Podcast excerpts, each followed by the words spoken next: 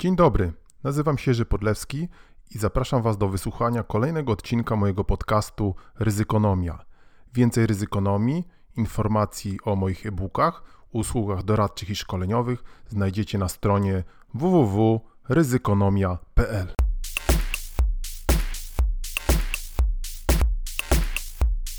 Dzień dobry, dzień dobry, dzień dobry. Kolejny odcinek podcastu Ryzykonomia. Słuchajcie, hmm, jakieś takie mam dziwne wrażenie, że to jakiś jest czas przełomu, hmm, eschatologiczno-przełomowe. No właśnie, to się okaże, bo się dużo teraz dzieje, oczywiście w zakresie materializacji się różnych e, ryzyk, e, które zrazu, kiedy się zmaterializują, oczywiście przestają być ryzykami, prawda? Bo e, jakieś tam prawdopodobieństwo P zapewnia, za, zamienia się w stuprocentową pewność, a wtedy już nie są ryzykami. Ale tym niemniej takie dziwne uczucie mam. Co tam, co tam z nowości? E, tutaj tak głos delikatnie e, świnkę. A propos, nie wiem czy słyszycie, może nie, tak jakiś warkot za oknem, uwaga. Uwaga. No, budowlańcy się niedaleko uaktywnili, wiadomo, e, trochę się zrobiło cieplej, chociaż bardzo zimno, więc trzeba pewnie jakąś nową dziurę wykuć i tam trochę nalać asfaltu. No w końcu od, czego, od czegoż mamy budowlańców. Hmm. No, zresztą a propos, a propos, budownictwo to jest oczywiście temat bardzo ciekawy jak zawsze, bardzo ważny element gospodarki, też taki pokazujący, bardzo związany z koniunkturą. Znowu słyszeliśmy ostatnio, że w listopadzie mieliśmy, mieliśmy jakiś kolejny gigantyczny wzrost udzielonych kredytów hipotecznych, e, w ogóle mieszkań oddanych chyba do użytku też. E, ludzie kupują jak szaleni bez względu na to, co się dzieje w gospodarce. O tym jeszcze parę słów powiemy. Może nawet nie w gospodarce, bo w gospodarce się dzieje zasadniczo dobrze, ale to, co się dzieje, mm, co się dzieje ze stopami procentowymi, tak. Ale ja tutaj wyprzedzam trochę. Polecam jak zawsze blog Ryzykonomia. Bardzo Was zapraszam, żebyście tam e, zaglądali. Mm, pracuję nad zmianami w nad uruchomieniem swojej księgarni ryzykonomii. No nie jest to takie proste, słuchajcie. No, jak zawsze wszystko niby jest takie proste.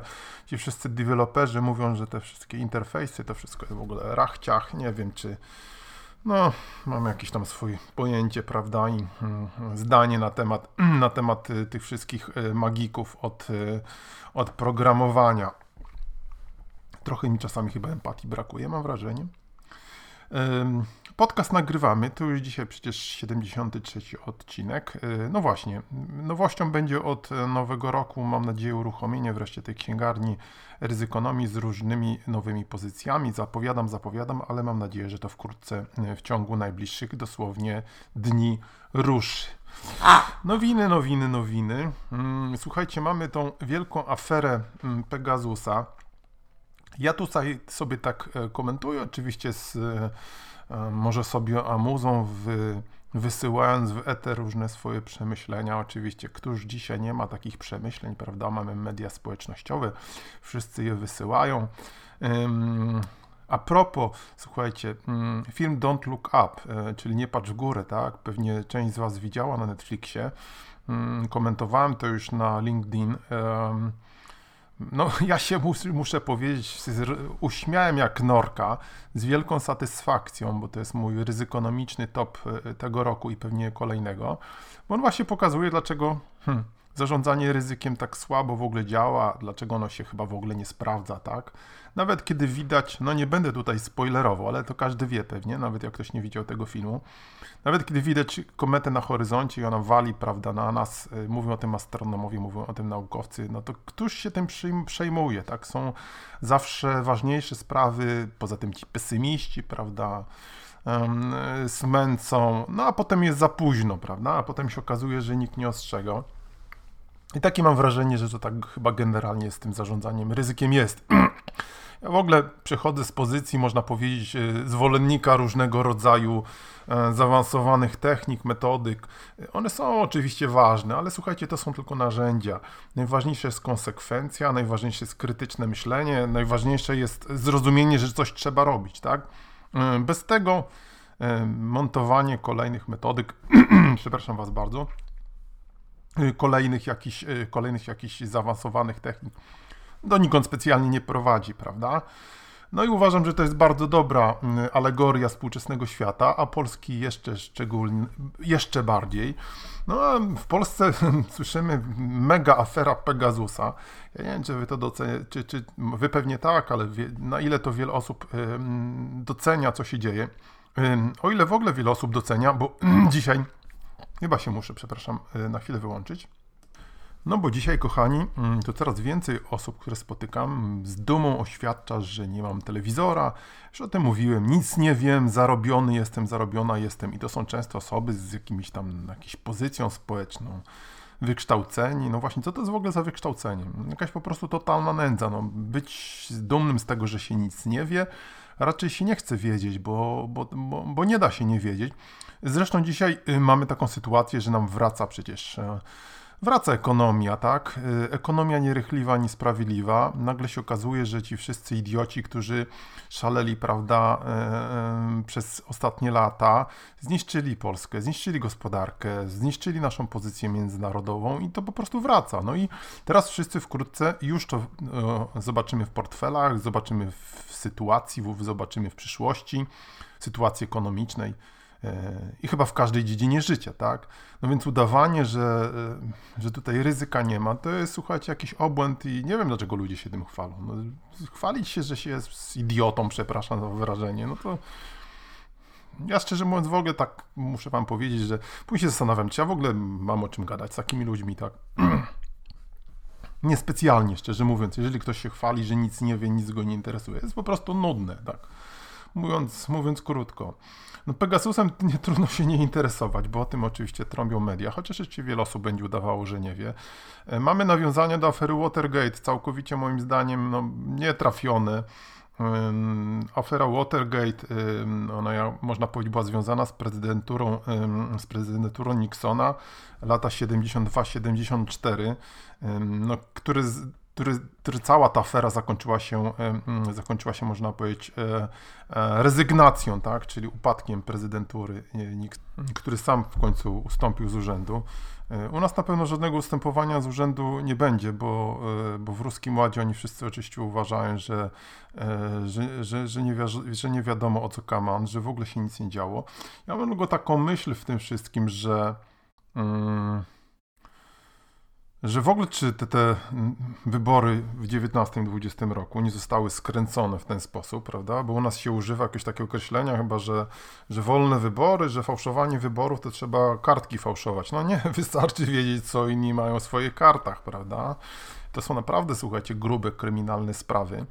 E, biorąc to też pod uwagę, zastanawiam się na, e, na ile e, na ile właśnie na przykład Amerykanie czy Izraelczycy mm, nie maczali w, tych palców, w tym palców, ale nie w tym sensie, że to jest izraelska firma, tylko w ogóle Izrael jako państwo, Stany Zjednoczone jako ich sojusznik, jako państwo, no bo to też najwyraźniej jest element ekspansji Rosji na, na zachód, tak?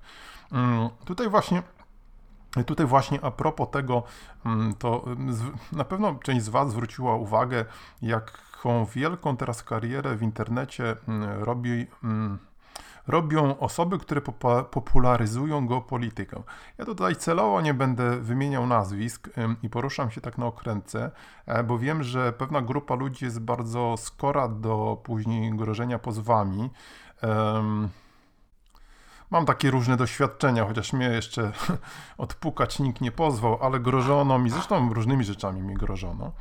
E, szczególnie, że Szczególnie, że te mm, różne idee, które są głoszone, to mi tak bardzo i chyba nie tylko mi, bo na przykład o tym Tomasz Piątek też pisze, ale nie tylko on, no, pachną, mocno Moskwą. A wiadomo, Moskwa była zawsze, można powiedzieć, genialna w tych różnych operacjach psychops, prawda, e, w rozbijaniu jakiejś spójności społecznej, w wykorzystaniu agentury wpływów, różnych e, pożytecznych idiotów, prawda, i tak dalej, i tak dalej. No więc ostatnio słyszymy jakąś straszną robi popularność geopolityka, co już samo w sobie jest dosyć mm, rzeczą dziwaczną w Polsce, bo nagle patrzymy na jakieś wpisy czy informacje, które klika setki tysięcy osób e, w kraju, w którym e, w ogóle ludzie mało książek czytają, Ja słucham różnych informacji ze świata, różnego rodzaju analiz, no i tam jak czasami kogoś tam zaczepię, czy słuchałeś tego, czy słuchałeś tamtego, to się okazuje, że mało kto. No tutaj nagle okazuje się, że geopolityką e, zaczyna się interesować setki tysięcy osób. To raz, prawda? To raz. Jakżeż to łatwo przecież można napompować. E, druga sprawa w tych różnych takich koncepcjach geopolitycznych przebija się chyba taka główna myśl, że my jesteśmy tacy, można powiedzieć, sami sami sobie możemy, że nas wszyscy sojusznicy na pewno opuszczą i w związku z tym musimy coś tam nowego sobie kombinować, tak? To jest dwa, już samo w sobie bardzo dla nas niebezpieczne, e, bo my mamy wybór bardzo prosty, albo Zachód, albo Rosja, prawda? I to taki bardzo wyraźny, więc albo jesteśmy na 100% z Zachodem i, e, i jakoś gramy po tej stronie, albo jesteśmy z Rosją. To jest następna rzecz. E, oczywiście tu zaraz usłyszymy różne e, tłumaczenia, że tu chodzi i trochę grać, i, i po jednej stronie, że nie możemy wierzyć, no a co innego nam pozostaje? No, wyraźnie według protagonistów tych koncepcji pozostaje nam jakaś własna walka, prawda? I tutaj padają różne koncepcje, jakieś dronizacji, jakiś stref zniszczenia, walki kinetycznej, etc., etc. Ja wam powiem, że to wszystko fajnie, Chociaż słuchać z różnych powodów tego też jest trudno, prawda? Bo to są jakieś wielogodzinne wykłady i znowu setki tysięcy osób słuchają. No słuchajcie, no ja nie wiem, ja jestem prosty człowiek, który doszukuje się zawsze jakichś e, prostych rozwiązań i no dziwne, prawda, że nagle takie wielogodzinne te rada to setki tysięcy osób słuchają. No dośpiewajcie sobie sami, co mam na myśli. Następna rzecz jest taka, że w tych koncepcjach właśnie przewija się jakiś pomysł na jakąś tam straszliwą walkę na polskich ziemiach. No ja się teraz pytam, kto tam będzie walczył, tak? To wy myślicie, że co? Że Ruscy się pojawią gdzieś tam na, od strony przesmyku suwalskiego, albo teraz jeszcze, jeszcze dłuższe za chwilę będą mieli możliwości, prawda? Bo, bo, bo przez, przez Białoruś na przykład. I co? My będziemy tu jakieś strefy zniszczenia robić? jakąś prowadzili walkę za pomocą dronów, jakichś tam innych kinetycznych narzędzi, prawda? A Ruscy będą sobie jeździli po drogach i nie będą oczywiście nic robili, prawda? Także leśni sobie wyskoczą z jakichś podziemnych skrytek, postrzelają, zniszczą jakieś tam ruskie bardzo drogie urządzenia się schowają i gitara, prawda? A życie będzie się toczyło, toczyło dalej, prawda? No, za bardzo mi to nie wygląda na to, że tak miałoby się to dziać, bo to będzie masakra, tak? To będzie horror, to będzie zniszczenie, to się wszystko będzie działo wśród ludności cywilnej. No i kto będzie tam walczył? Czy ci panowie, e, ci pomysłodawcy, oni pójdą? Raczej mam duże wątpliwości. E, duże wątpliwości. Ostatnio kilkakrotnie mówiłem już o tym, jak to Finowie sobie radzili w swojej historii. Przecież oczywiście można teraz i odwołać się do wojny zimowej, później tej wojny kontynuacyjnej. No owszem, owszem, one się toczyły. No ale było też tak wiele momentów, kiedy Finowie sobie po prostu odpuszczali, prawda?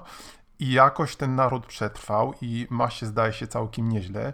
I teraz takie koncepcje, że my byśmy mieli tutaj wdawać się w jakąś, w jakąś masakrę na, na naszych ziemiach, w której wielką ofiarą, ofiary poniesie pewnie też ludność cywilna, infrastruktura, no to, to się to zupełnie nie pasi, tak? Mi się zupełnie nie pasi i wydaje mi się to rzecz jakąś, jakimś obłędem.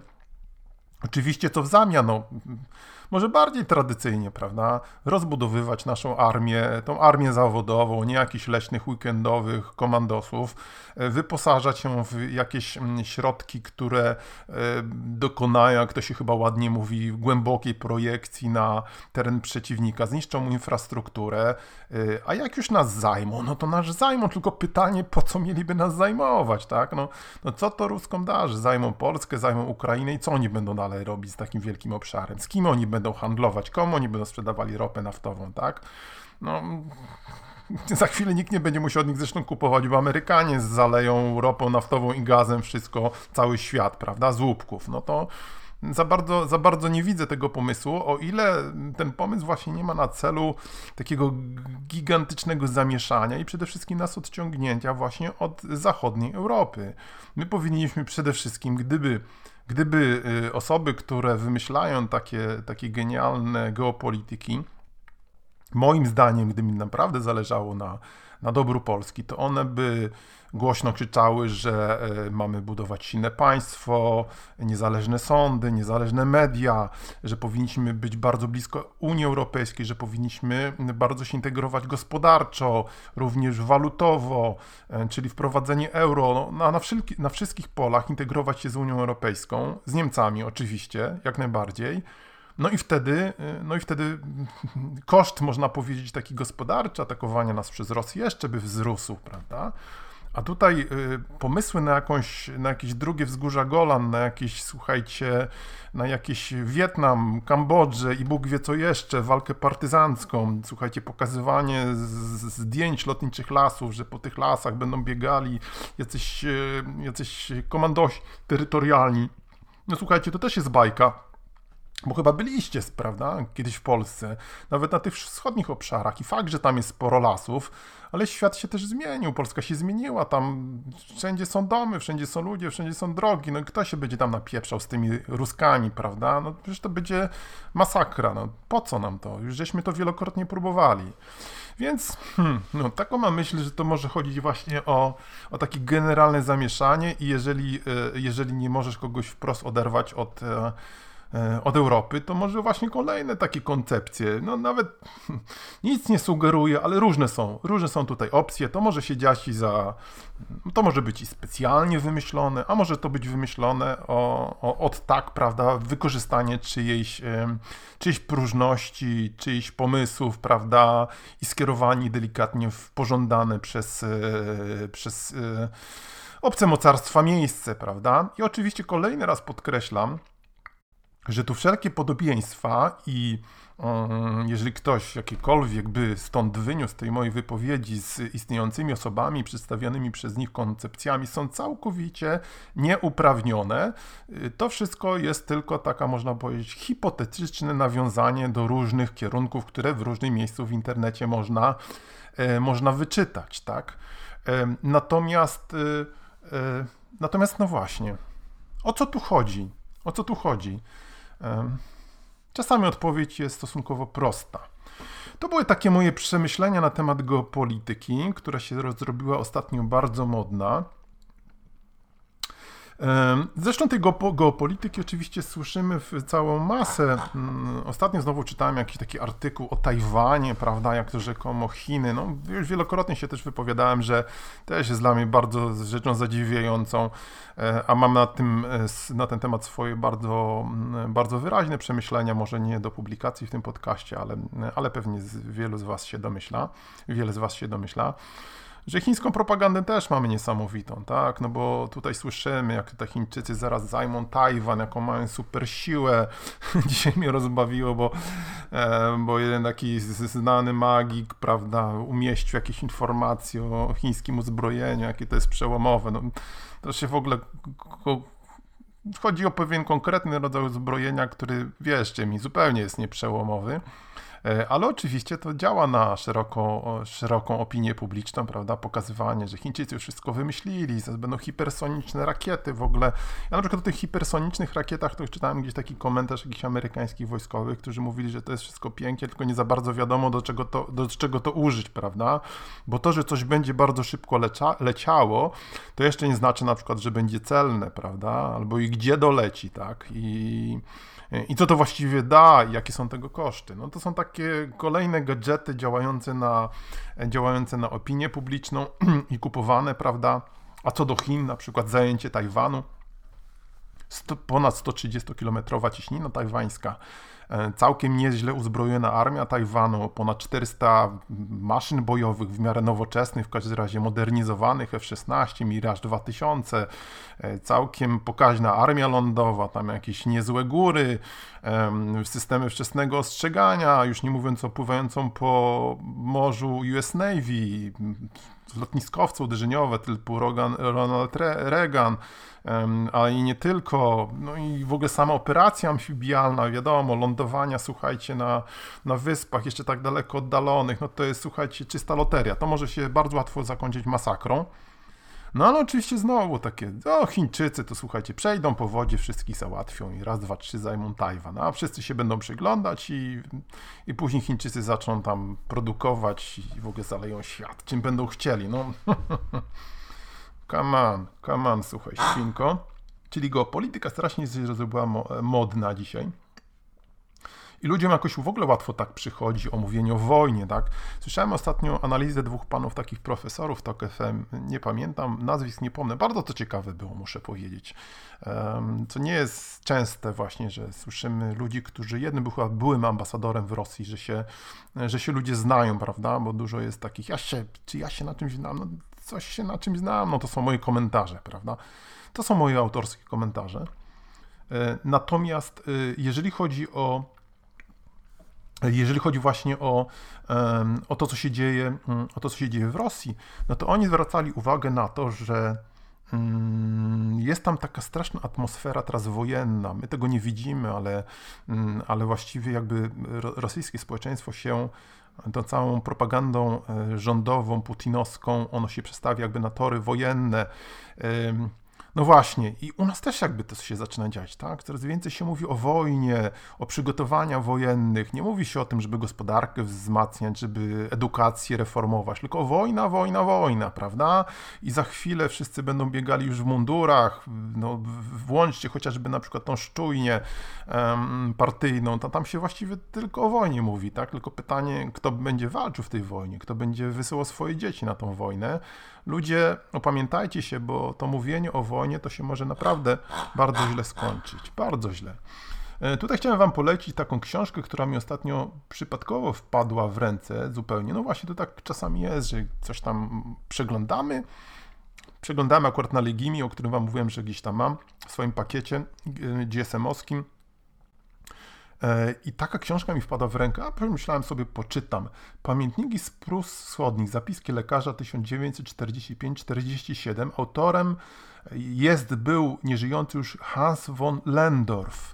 Słuchajcie, no to jest książka wstrząsająca. Jak sam tytuł wskazuje, ona opowiada o tym, co się działo na terenie Prus Wschodnich, poczynając gdzieś od Königsbergu, czyli królewca dzisiejszego, Kaliningradu, tak? Nie, chyba już Królewcem się nazywa, czyli Kaliningradu, mm, aż tutaj gdzieś do Gdańska, no straszne rzeczy.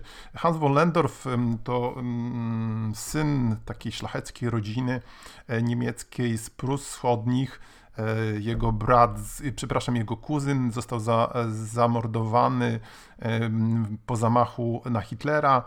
Mm, w tym Wilczym Szańcu, prawda, o którym ten, ten, ten sławny film z Tom Cruise'em jest. E, rodzina była też powiedzmy, no, niekoniecznie bardzo związana z nazistami, ale oczywiście to jest bardziej skomplikowany temat. Natomiast to, co mm, tego, czego dotyczy książka, to jest wstrząsający obraz y, czasów po wojnie, tak? Ludzkiego cierpienia, w ogóle oczywiście w tym przypadku niemieckiego cierpienia, ale nie tylko, bo tam jest też i Polacy cierpieli też, chociaż oczywiście książka temu nie jest poświęcona.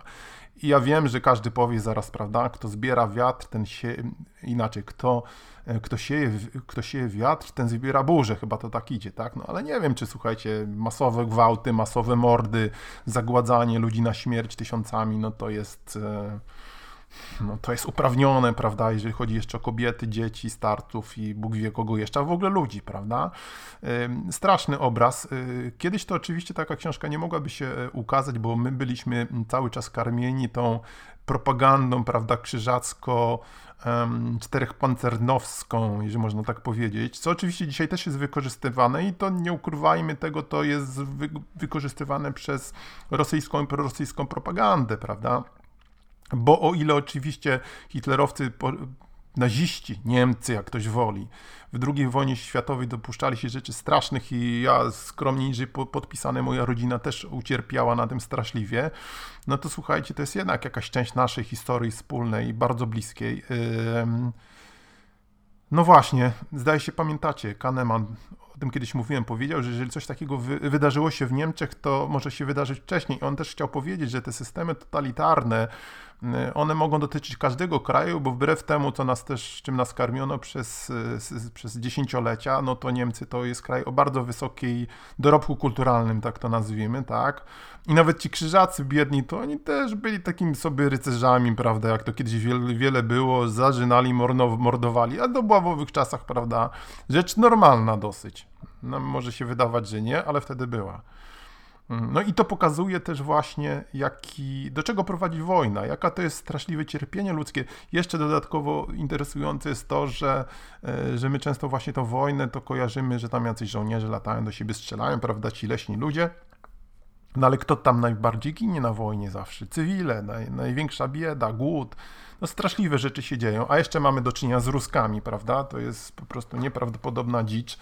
E, no to a propos też tych różnych walk na terenach wschodnich, prawda, kiedy oni będą sobie tam jeździli, prawda, my będziemy, my będziemy zdobywali informacje u proboszczy, u, e, u pań w sklepie, które będą sobie nam chodziły do sklepu, a bojcy będą sobie tam jeździli po autostradach, y, wystawiali się na, na strzał, no po, prostu co za brak wyobraźni, co za po prostu straszliwy brak wyobraźni też myślę, prawda? Nawet jeżeli nie u tych, którzy tworzą takie koncepcje, ale o tych, którzy je bezkrytycznie przyjmują.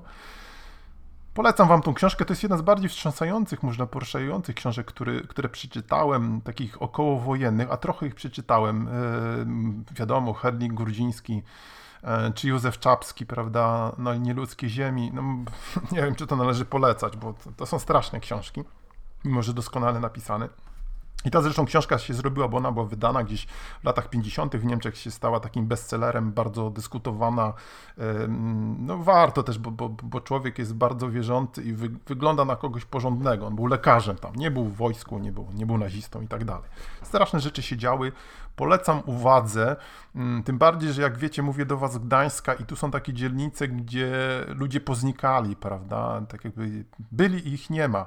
Oczywiście znowu, prawda, nie będę tutaj wchodził, czy pewnie, pewnie słusznie, prawda, zostali wypędzeni, ale, ale to też byli ludzie, tak? To też byli ludzie. Wojna jest straszna, po prostu wojna jest straszna i ci, którzy zaczynają bić w te wojenne bębenki, to oni się powinni puknąć w łeb, ale doświadczenie też uczy, że to nie będą ci ludzie, którzy będą siedzieli w okopach, prawda? Oni pierwsi gdzieś się tam ewakuują albo będą snuli, snuli swoje szalone wizje, w ogóle nie myśląc o tym, e, co się, co się może wydarzyć, tak? No, polecam Wam także tą książkę Zapiski lekarza z Prus Wschodnich, Pamiętnik z Prus Wschodnich, Zapiski lekarza. COVID, no, ostatnio nie mówiłem o COVIDzie. Chyba zauważyliście, zauważyliście, brawo ja. No dzisiaj mamy rekord czwartej fali pod względem liczby śmierci, dokładnie 794 osoby zmarły. Z tego co słyszymy, gdzieś 600 z nich było niezaszczepionych. To oczywiście nie przeszkadza tej całej propagandzie antyszczepionkowej, tylko Ruscy nas wyprzedzają, wyprzedzają. Też ciekawa ta korelacja, nie? Rosja, Polska, Rosja, Polska. No jak nie chcesz, chcesz załatwić swojego przeciwnika, to zrób mu taki desant, prawda, żeby, żeby u niego ludzie umierali. No, no chyba to jest oczywiste, tak? Mamy nadchodzącą teraz kolejną e, falę Omikrona i słyszymy od, e, od, tego, od tego czuba, prawda, który niszczy nas od, od pięciu lat, że właściwie co, co come tutaj jak milion będzie zakażonych, to może się wprowadzi jakieś obostrzenia. Nikt nic nie przestrzega. Straszne, prawda? Jakie są to efekty gospodarcze? Y, podobno teraz lada moment mają się ukazać jakieś y, podsumowania dotyczące nadmiarowych zgonów, że to jest największa liczba zgonów w ogóle od, od II wojny światowej. Przecież to jest zbrodnia na narodzie, co się dzieje. Oni tam oczywiście w tych swoich szczujniach partyjnych łżą jak psy. Ja akurat w, większ, porównaniu, można powiedzieć, w przeciwieństwie do różnych ludzi, którzy, ja rozumiem, że nie słuchają tych szczujni, ale ja to słucham, prawda? E, no, straszne rzeczy tam się opowiada, straszne rzeczy. To y, uważają, że w ogóle o co kaman. Sylwester się szykuje, prawda? Od znajomych na pewno słyszycie wszyscy, że tutaj będą zabawy sylwestrowe. No, jakiś obłęd, prawda? No i teraz człowiek, który no, jakoś się w miarę rozsądnie próbuje zachowywać, to wychodzi na jakiegoś idiotę. No. Dlaczego, prawda? Wszyscy idą, wszyscy jadą i nic nam się nie stało, prawda? No najwyraźniej nie wszystkim się stało, a mamy long covid, mamy różnego rodzaju inne efekty, mamy w ogóle trwanie tej idiotycznej epidemii, prawda? No, w ten sposób to będzie trwało tysiąc lat, jak się coś z tym nie zrobi. Ale wiadomo, że ruski ład nie chce z tym nic zrobić, no bo ci wszyscy foliarze, te całe, ci wszyscy faszyści, prawda, ludzie, którzy się też boją po prostu, no. no wolą, wolą się też nie szczepić, to nawet można byłoby zrozumieć, prawda? Zresztą kto się nie boi. No ale od tego jest rząd, prawda, żeby powiedzieć. No zresztą to donoszą mi znajomi z różnych krajów Europy, że tam właśnie no, ludzie się wahali, no ale jak już rząd przycisnął pedał, no to wtedy wszyscy polecieli się szczepić i mają z głowy, prawda. A u nas nie robi się nic. No, nic się nie robi, prawda. No to jest po prostu hekatomba. To jest hekatomba. Y, ale tak już bardziej, że tak powiem, w, w tym rozumieniu ryzyko jako szansa, chciałem Wam polecić, też jeszcze wczoraj sobie posłuchałem, wiecie, mam całą półkę różnych ludzi, różnych ludzi, różnych ludzi, różnych książek do słuchania, do czytania. Teraz chcę się zabrać za ludową historię Polski, też dosyć głośna książka. E, polecam Wam e, ostatni, e, ostatni podcast Lexa Friedmana, którego tutaj wielokrotnie polecałem. Taki bardzo znany podcaster amerykański, przykład tutaj chyba się nie żebliwi, um, który pisze o sztucznej inteligencji, ale nie tylko. I ostatnie jego chyba trzecie spotkanie, już kolejne z Elonem Muskiem. E, ciekawa rozmowa e, dotycząca też e, właśnie mm, osiągnięć ostatnich SpaceXa. Dużo mówi się też na temat samochodów autonomicznych, które Elon Musk już mówi, że niedługo zaczną no, może nawet od przysz przyszłego roku już będą w pełni operacyjne. Ale też ciekawe jest e, takie, wpadło mi, e, wpadło mi, wpadło mi do, do oka takie, takie jedno słowo, które on powiedział w kontekście prac nad właśnie silnikami rakietowymi do tych rakiet, e, które zresztą chyba nie tylko ja za, za, zauważyłem, cytuję, prototypes are easy, production is hard, czyli prototypy są łatwe robienie prototypów, produk produkcja jest trudna. No właśnie, to jest bardzo, bardzo ciekawe. No to chyba właśnie zawsze, zawsze była problem u nas w Polsce też, prawda, że komercjalizacja, wdrażanie do masowej produkcji, to gdzieś zawsze legło, tak? W tym my jesteśmy słabi, ale tutaj jest właśnie potrzebne zarządzanie, tak? Zarządzanie ryzykiem oczywiście. I to byłoby chyba dzisiaj na tyle, bo kot już się tutaj domaga ode mnie czegoś, nie, za, nie wiem czego. I zakończmy. Nie musisz zarządzać ryzykiem. Przetrwanie nie jest obowiązkowe. Bye, bye, bye.